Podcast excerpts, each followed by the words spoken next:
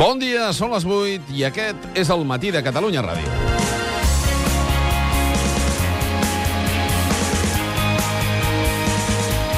Tant si es vol com si no es vol, les recomanacions financeres de la Comissió Europea van fent el seu camí, perquè són condicions ineludibles, encara que el govern espanyol s'entesti a sanificar públicament que s'hi revela. Condicions del rescat virtual a què estem sotmesos. L'IVA es tocarà.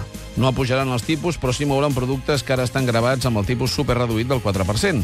O sigui que l'IVA pujarà en alguns productes. El ministre de Guindos en donava detalls ahir al vespre en una entrevista a La Sexta. No van a ser productos eh, importantes. De vez en cuando hay ajustes, porque también hay incluso normativa comunitaria al respecto que nosotros tenemos que ir ajustando. Por lo tanto, no es una subida del IVA en el sentido que fue, por ejemplo, en julio del año pasado. Son ajustes Pero si va a haber menores un y ajuste marginales. hacia arriba, no hacia abajo. Bueno, no lo sé, depende. Depende en el caso del IVA y habrá que ver cómo evoluciona. També es tocaran les pensions i encara s'ha de veure si no utilitzen més diners del rescat destinat a la banca. El govern espanyol ha utilitzat 41.300 milions dels 100.000 milions concedits pels socis de l'euro ara fa un any.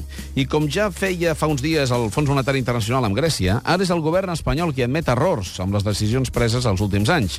Decisions que han estat determinants tant per l'evolució de la crisi com per la vida diària dels ciutadans i pel cost extra que estem havent de pagar. Un any després del rescat internacional de la banca espanyola, el ministre admet que la creació de Bankia va ser un error, igual que la seva sortida a borsa, com ja dèiem alguns. Bankia, l'entitat que s'ha endut pràcticament la meitat del rescat. Yo creo que tenemos que aprender de nuestros errores. Yo creo que hubo errores. La fusión de esas siete cajas de ahorros fue un error. La salida a bolsa. Yo creo que en estos momentos no hay nadie, yo lo dije hace un año, que ponga en cuestión que también fue un error. Y eh, lo que tenemos que hacer es reconducir la situación. Senzill, oi? Reconduir la situació i mirar endavant perquè, segons de Guindos, ara mateix Bankia és més solvent. Bankia, que es va fusionar durant el mandat del PSOE, però Bankia no només no es va planejar bé perquè no s'ha sanejat, sinó perquè, a més, els diners invertits en el rescat no s'han traslladat a l'economia real.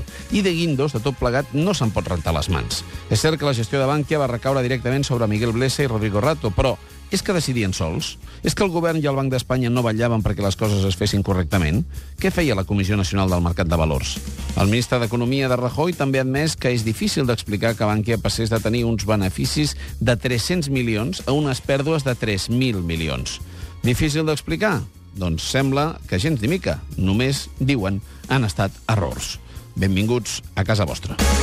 El matí de Catalunya Ràdio, amb Manel Fuentes.